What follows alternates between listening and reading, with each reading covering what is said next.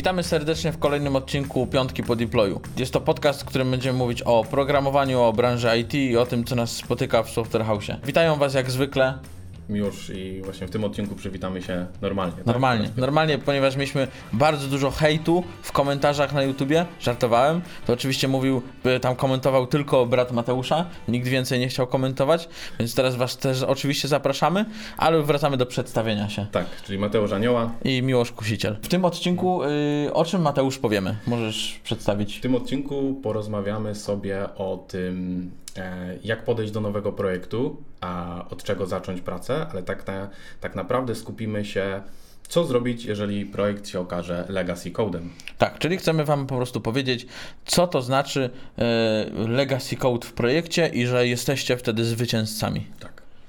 I zacznijmy właśnie od takiej hipotetycznej sytuacji, że wiecie, że będziecie pracować nad nowym projektem, em, czy to dołączyliście do nowego zespołu, czy też będziecie pracować z nowym klientem.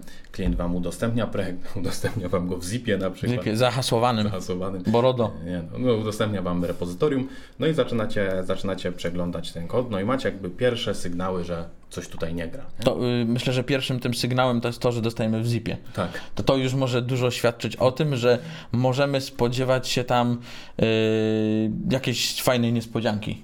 Również nie znamy historii kodu, tak? Nie będziemy wiedzieć, jakie były poprzednio podjęte decyzje, jak poprzedni programiści doszli do, takiej, do takiego rozwiązania. Chyba, że napisali jakieś fajne y, komentarze albo jakieś readme z historią. I na przykład ja mogę podać, jak zaczynałem y, pracę y, w firmie, to było no, 11 lat temu, dostałem dostęp do kodu PHP-owego, w którym był plik user PHP, miał 3,5 tysiąca linijek. Jak się pewnie domyślacie, nie było tam za dużo związanego z userem, tylko to była obsługa zamówień, koszyk i tak dalej.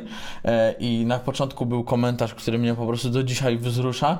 To jest takie podanie ręki po prostu, albo pomachanie może ręką przez poprzedniego dewelopera i był fajny komentarz Welcome to hell. Jakby jesteś dalej z nami, więc rozumiem, że przeżyłeś. Przeżyłem, przeżyłem, chociaż długo tego projektu nie miałem, ale pozdrawiam poprzedniego dewelopera Andrzeja, jeżeli to oglądasz lub słuchasz, to na pewno wiesz o jaki projekt chodziło. No i jakby przeglądamy sobie ten nasz, nasz kod dalej, sprawdzamy wersję, sprawdzamy na czym jest zbudowany, sprawdzamy czy jest dokumentacja, czy w ogóle mamy z czym pracować, czy wiemy jak zainstalować, e, zainstalować projekt.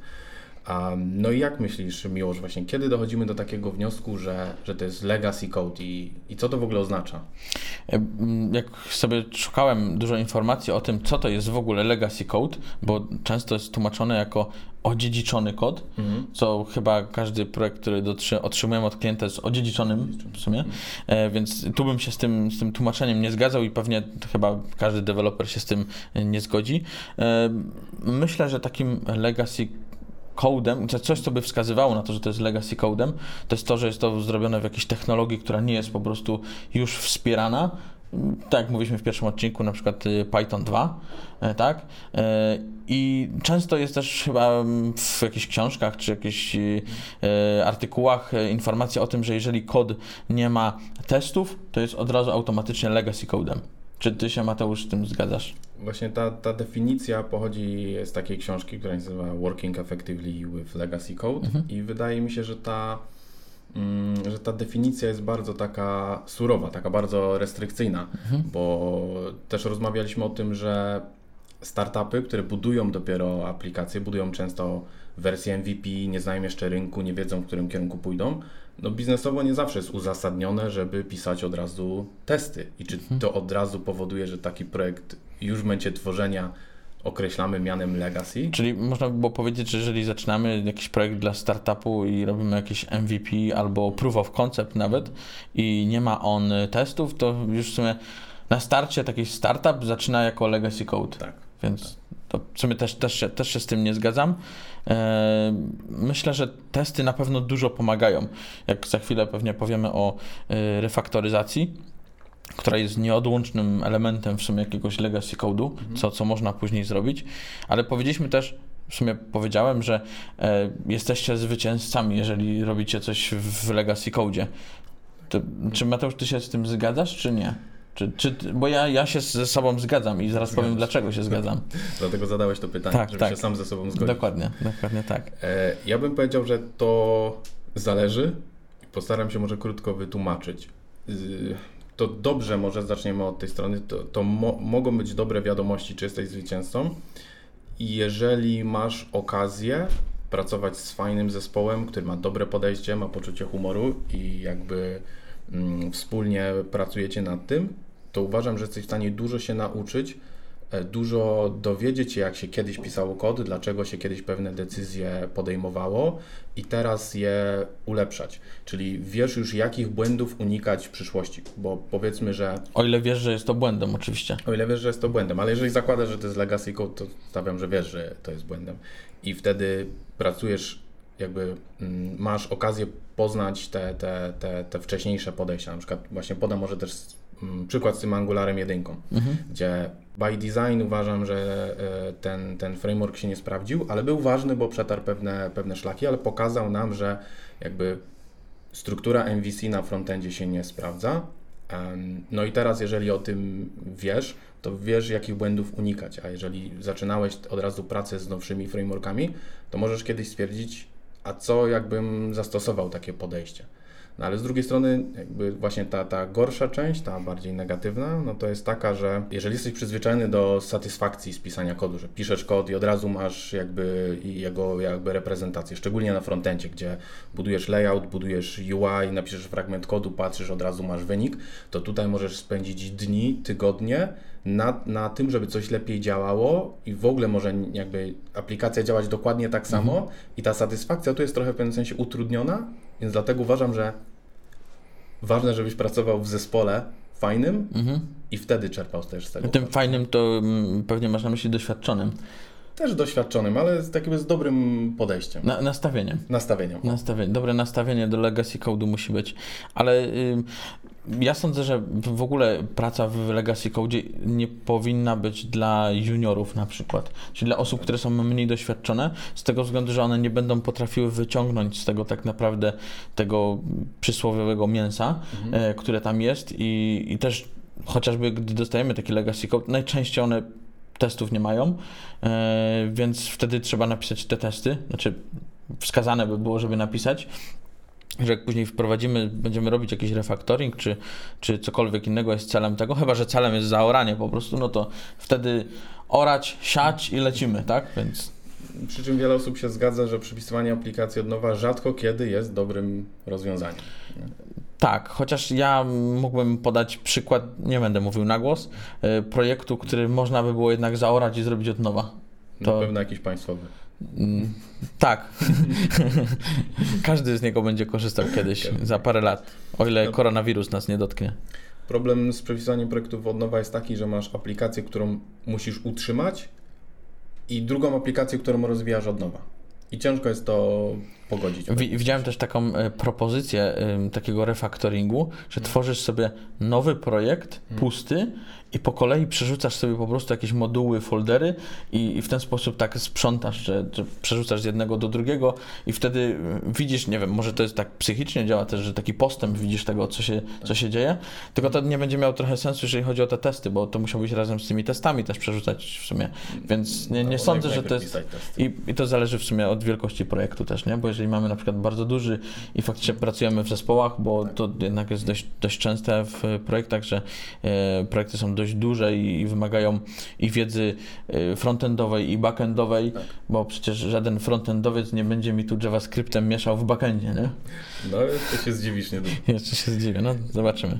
Z przypisywaniem projektów uważam, to jest tak, że nigdy nie będzie to znowu jeden do jeden, tak jak mówisz, że możemy przenieść funkcjonalność po funkcjonalności, bo uważam, że zawsze product owner wpadnie na pomysł, że o, to, jest, to jest dobry moment, żeby coś dodać, dodać tak, funkcjonalność, tak. przepisać, czy zmienić w ogóle wygląd UI i wtedy cały mhm. frontend być może po prostu warto napisać mhm. od mhm. nowa też, nie?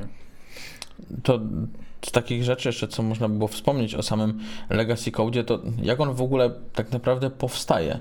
To, to jest y, przez takie zaniedbanie po prostu, tak, że ktoś nie, nie rozwija tego oprogramowania, bo nie sztuką jest mm, tak naprawdę stworzyć oprogramowanie, mhm. tylko sztuką jest je utrzymać. Taki ZUS, no to, y, to wychodzi na to, że lepiej tak naprawdę teraz jest dużo pieniędzy się y, wkłada na to, żeby utrzymywać taki system tak naprawdę.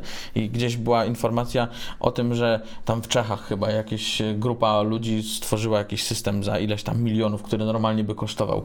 E, tylko tak naprawdę nie to jest problemem największym, a utrzymanie tego, a infrastruktura, która jest, obsługa e, w jakiś sposób, więc to takie myślę, że to było akurat nietrafione, a, a przez media ładnie podchwycone, bo, bo jest duża kwota i, i mała grupa osób, która zrobiła i, i tyle, więc... Wracając do tej definicji legacy code'u, mm, to myślę, że w wielu przypadkach to się tyczy szczególnie backendu i, i rzeczy serwerowych. Dużo... Chcesz powiedzieć, że legacy code może być tylko na backendzie? Zupełnie nie. Uważam, że nawet więcej legacy code'u jest na frontendzie, tak szczerze. To przez ten dynamiczny rozwój. Dokładnie. Młody, dynamiczny zespół frontendowy, który to tworzy. Stażystów. Tak. I nie nadąża nad tymi frameworkami po Dokładnie. prostu. Przy czym właśnie w tym frontendzie w ogóle jakby unit testy to jest sprawa dość świeża, znaczy dość świeża w stosunku do backendu to jest iluś, iluś ostatnich lat, jak kiedyś było testować jQuery albo HTML czy, czy CSS. No, no i FAMI, nie? No i FAMI. e, i, I unit testy nie są jakby jedyną odpowiedzią na zapewnienie jakości kodu frontendowego czy javascriptowego, bo nie zawsze jest sens testować wszystko unit testami. Jest dużo interakcji użytkownika, jest dużo rzeczy dynamicznych i musimy to jakby mm, rozłożyć również na jakby snapshoty albo w ogóle na testy automatyczne mhm. czy testy end-to-end. Um, a to już zakrawa o temat dużo szerszy, o temat w ogóle QA-owy i, i testowania mhm. jako takiego, więc ta definicja tym bardziej na frontendzie jest bardzo rygorystyczna pod tym względem. No ale wracając do tego naszego hipotetycznego projektu. Nie? Tego w ZIP-ie. Tego w ZIP-ie, tak. Mhm. To na jakie rzeczy byś jeszcze zwrócił uwagę? Pierwsze pewnie, jeśli był to projekt jakiś Pythonowy, to bym zwrócił okiem na requirementsy mhm. i wierzył, że ten plik był aktualizowany, mhm. bo to w sumie nie, nie, nie, nie daje takiego potwierdzenia, że to jest ten faktycznie plik bo jednak albo go nawet nie ma. E, więc pierwsze co to pewnie ktoś próbuje uruchomić. E, może ma jakąś tam instrukcję do tego, jak to zrobić. Mm, nie podaję tutaj, że będzie Dockerfile, bo to mówimy o jakimś legacy code, więc podejrzewam, że to nie będzie z tej epoki. Mm, I co? I bym rzucił okiem na samego w ogóle Pythona, co jest, i, i taką ogólną strukturę, bo jeżeli później mamy się zabierać do jakiegoś refactoringu, to jest to tak naprawdę mm, co? No, zmieniamy wewnętrzną strukturę, a samo działanie zostawiamy. Nie? Tak. No i rzucamy okiem na jakiś katalog z testami, o ile jest, nie? ale pewnie, pewnie nie będzie. One też nawet nie dadzą stuprocentowej pewności do tego, że są testy, bo nie wiemy, czy one tak naprawdę obsłużą wszystkie, wszystkie przypadki, które tam mogą, mogą wystąpić, nie? I, I, fajnie, jak ktoś naprawdę nam, najlepiej byłoby mieć obok albo gdzieś w kontakcie poprzedniego dewelopera, który będzie mógł się tu ładnie spowiadać z tego, co tu za ładne spaghetti powstało i, i dlaczego teraz już siedzi we Włoszech i, i robi drugi makaron. No, testy, tak jak mówisz, nie zawsze się sprawdzają, bo też zależy, czy rozumiemy kontekst projektu, czy rozumiemy mhm. też jego jakby domenę, branżę, e, czy rozumiemy w ogóle problemy biznesowe, e, jakie rozwiązuje. I to, czy mówisz o przepisywaniu kodu też partiami, wiedząc, czy on działa, mm, to to jest też trochę taka zasada, szczególnie jak rozwijasz projekt dalej i wracasz się do jakichś momentów, które rozwijałeś dawno temu, to się mówi o takiej zasadzie scoutów, czy może mhm. na polskie byłoby harcerzy, mhm. że fragment, który zastałeś w kodzie, zostaw w trochę lepszym stanie niż był na tak, początku. Tak, tak. Czyli żeby nie pisać tym stylem, który był używany w projekcie. Tak. A to może być dość ciężkie, żeby jeden taki, nie wiem, moduł czy, czy jakąś funkcję konkretną yy, wydzielić, żeby ona nagle stanęła przed szereg tego całego brzydkiego kodu, który jest tam jakiś, nie wiem, źle napisany, niezoptymalizowany w jakiś sposób, bo, bo sam refactoring, w sumie kod może mieć też dobrze napisany, ale refactoring możemy robić wtedy, żeby y, na przykład zoptymalizować ten kod tak naprawdę, nie? Czyli ja bym uznał, że refactoring to jest też wtedy, kiedy przepisujemy dość dużą część y, jakiejś funkcjonalności, mhm. na przykład więcej niż jedną, też to ingeruje w drugą i wtedy mamy właśnie taki refactoring y, i optymalizację w jednym tak naprawdę, nie? Mhm. Więc niekoniecznie musi być sam legacy code, żeby robić refactoring, tak? Myślę, że te dwie kwestie, które poruszyłeś, to właśnie warto sobie zadać pytanie, dlaczego go robimy. Czy ten refactoring robimy, żebyśmy my lepiej rozumieli kod i żeby następni programiści po nas go lepiej rozumieli, mniej czasu spędzili na utrzymywaniu go i rozwijaniu, czy właśnie jakby pewne procesy optymalizujemy. Myślę, że to, to nie zawsze może być to samo. Tak, tak. Myślę, że bardziej to będzie dla, dla ludzi jednak, bo y, ta estetyka, żeby była y, w, tym, w tym kodzie, czy jakaś dokumentacja, czy opisanie jakiejś funkcji, klas, czy cokolwiek tam jeszcze, jeszcze mamy. Y, no, jak było widzisz, Mateusz, wcześniej jQuery to nie było żadnego problemu. Wszystko było jasne, nie było żadnych problemów. Mieliśmy tu jakiegoś Ajaxa i, i super. Właśnie jak już, jak już wspominasz i te, te czasy frontendowe, to z takich moich projektów, które ja miałem, które pamiętam, mm, to dostałem kiedyś projekt, gdzie szablony były szablonami statycznymi i były integrowane e, w backendzie, przy czym ja dostałem tylko tą warstwę jakby frontendową z, z hardkodowanymi danymi. Nie dostałem nawet wszystkich stron, tylko niektóre, te, którymi się miałem zająć. I do tego dostałem jakby pełny CSS i HTML, który obsługiwał wszystkie strony. I tego CSS-a nam było z 20 czy 30 tysięcy. Nie miałem zielonego pojęcia, co one zmieniają. Wszystkie klasy były bardzo generyczne, czyli y, button, header, footer. Tak. I nawet jak coś zmieniłem, to nie miałem szansy tego przeklikać przez wszystkie strony, bo nawet nie miałem do nich dostępu. Czy coś na innych stronach się, się nie zmieniło. I teraz myślisz, Mateusz, że to jakiś ma wpływ na Twoje dalsze życie po tym projekcie? Wiesz może, że takich rzeczy to nie dotykać, czy? Nie, jakby ma pewien wpływ, bo, jak, bo powiedziałbym, że teraz doceniam różne podejścia e, CSS-owe, jakby mhm. konkretne sposoby ich pisania, utrzymywania porządku, no teraz wszyscy już piszą w Reakcie piszą styled komponenty, i, czy używają innych bibliotek, to się wydaje takie, takie jasne, no ale kiedyś mm, jakby musieliśmy utrzymywać ten porządek w pewnym sensie my, tak jakby w ogóle skołpowanie CSS-ów i ograniczanie ich pola zasięgu do jakby konkretnych wybranych fragmentów kodu jest relatywnie no, nowość pewna. Kiedyś tak. to zawsze było globalne wszystkie selektory były. Czyli jak mielibyśmy podsumować sam legacy code, żeby już nie wypowiadać tego słowa tyle razy, bo będzie wam się śniło i nam też, to legacy code to bawi i uczy. Bawi i bawi uczy. I uczy. Często widziałem, jak w, firmie y, ktoś wymieniał się jakimś śmiesznym kodem, który gdzieś dostał do sprawdzenia, pod, zanim w sumie zaczniemy jakiś projekt, to robimy jakieś code review e, tego, tego projektu i, i jakieś fajne wycinki są w sumie ja mam swój jeszcze nawet gdzieś zapisany, gdzie nazwałem funkcję, która nazwa, nazywała się jako rekurencyjna, a miała maksymalnie 9 iteracji do wykonania takich, więc po prostu było zapisane jedna pętla w drugiej, ale to, to stary to, czas. To, to też się właśnie, jedna może właśnie z takich zasad refactoringu, że jeżeli aktualizujesz funkcję i aktualizujesz jej działanie, zaktualizuj również jej nazwę. Tak. Ja często sprawdzając kod, albo często w ogóle sprawdzając pull requesta, e, początkowa idea funkcji była inna, więc ktoś ją nazwał zgodnie z, z, początkowym założeniem, potem ją zmienił, ale funkcji nie zaktualizował. Tak jak twój plik user PHP, tak. który sugeruje, że pewnie będzie obsługiwał użytkowników, a obsługiwał koszyk. Tak, tak. No to łatwiej po prostu czasu nie ma, klient goni, y, sprint się kończy, i tyle. Więc ma, mamy ten projekt, który mówiliśmy w Zipie. Tak. E, mamy, powiedzieliśmy sobie o tym legacy code, który tam, tam jest i widzimy, że, że jest e, możliwy w jakiś sposób refactoring. Jak Mateusz myślisz, jak można by było się zabrać? Nie powiem o takiej skrajności, że mamy Angulara.js i nagle mamy zaktualizować do jakiegoś nowszego Angulara. E, a czy w ogóle jest możliwe tak, żeby tak zrobić? Jak sądzisz? Podobno jest. Takie legendy chodzą, ale nigdy nie słyszałem, żeby ktokolwiek to zrobił. A, tak. E, no, no to powiedzmy, że mm, mówię, że po froncie w sumie będzie trudniej to zrobić, tak? Czy e, żeby zrefaktorować w jakiś sposób. Tam jednak ta dynamika jest dużo większa, nie?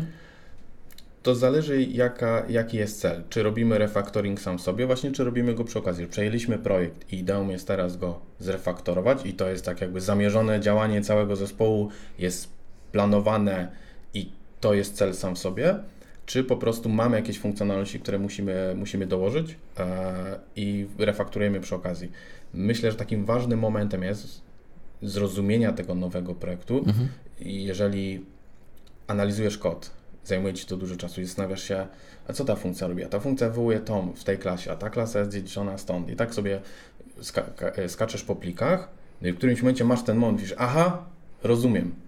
I jeżeli masz ten moment, to dla mnie jakby to jest ten właśnie pierwszy moment, od którego trzeba zacząć i spisujesz to, co właśnie zrozumiałeś. Mhm. Jakby jako komentarze, chociaż może nie jest polecane, bo jeżeli kod ma komentarze, to oznacza, że nie jest samotłumaczący tak, się. Tak, tak. No ale od, od, tego można zacząć, czy też w dokumentacji. I myślę, że to jest taki ważny moment, że jeżeli czytasz kod, zrozumiesz go w pewnym momencie, e, to najpierw co spisz, żeby inni programiści nie tracili tego czasu, który ty straciłeś mm -hmm. na zrozumienie mm -hmm. go. Okej. Okay. Nie, nie robić po prostu drugiemu pod górkę, pamiętajcie. Tak. I przywitać ich pięknie welcome to hell na początku pliku. A czy słyszałeś kiedykolwiek o takiej sytuacji, że ktoś przejmował kod po innych osobach i powiedział, że jest dobrze napisany? Hmm. Czy zawsze wszyscy mówią, że no, coś tu nie gra i mi się nie podoba? Tak, no każdy by zrobił jakoś tam, znaczy każdy, no może jakoś inaczej, chociaż jak przejmiesz po jakimś doświadczonym deweloperze i zrobił naprawdę super i nie rozumiesz tego, to możesz powiedzieć, że nie, to jest źle zrobione. Źle zrobione. Źle zrobione, to jest za dużo funkcji na przykład.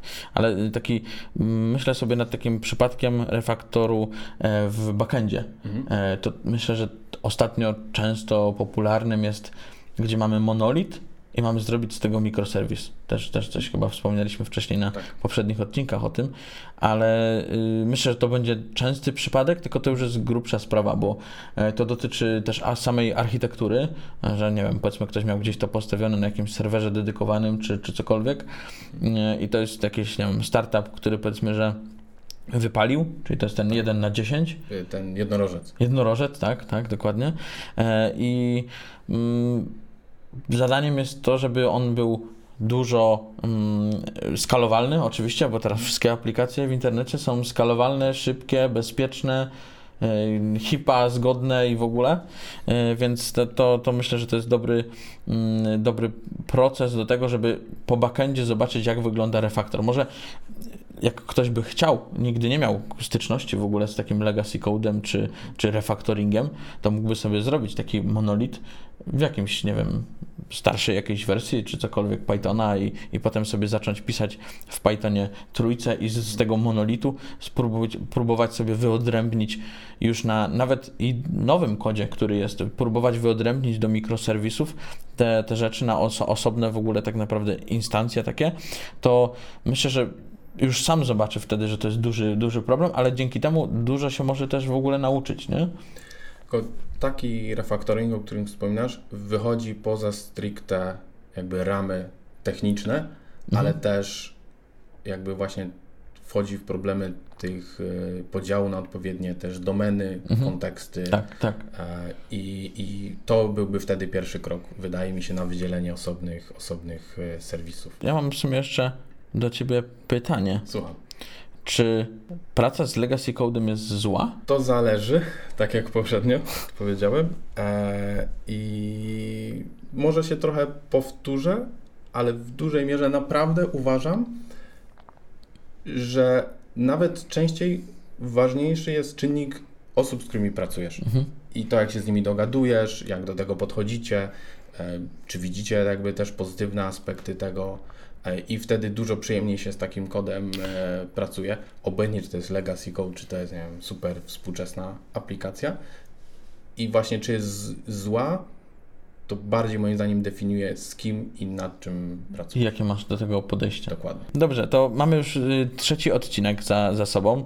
E, zapraszamy oczywiście Was na kolejne, ponieważ y, Będziemy nagrywać kolejne. Tak Myślę, że, że tematy nam się nie skończyły. Mimo tego, że e, dostaliśmy masę propozycji różnych tematów, tak to, to i tak mamy jeszcze swoje, ale możecie nadal y, przesyłać i lajkować i, i co. Możecie nas słuchać oczywiście na Apple Podcast, na Spotify, na SoundCloudzie e, i oglądać na YouTubie.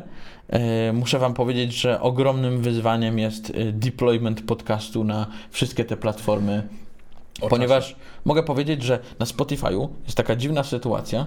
e, Może ktoś z Was już wie, jak to się w ogóle robi. Ja jeszcze nie ogarnąłem tego, ale jest taka sytuacja, że mamy sobie RSS-a, do którego podajemy w Spotify'u tego RSS-a e, i tam dodajemy sobie nowy odcinek. I teraz musimy kliknąć sobie refresh na Spotify'u i nie wiemy w sumie, kiedy ten odcinek się pojawi.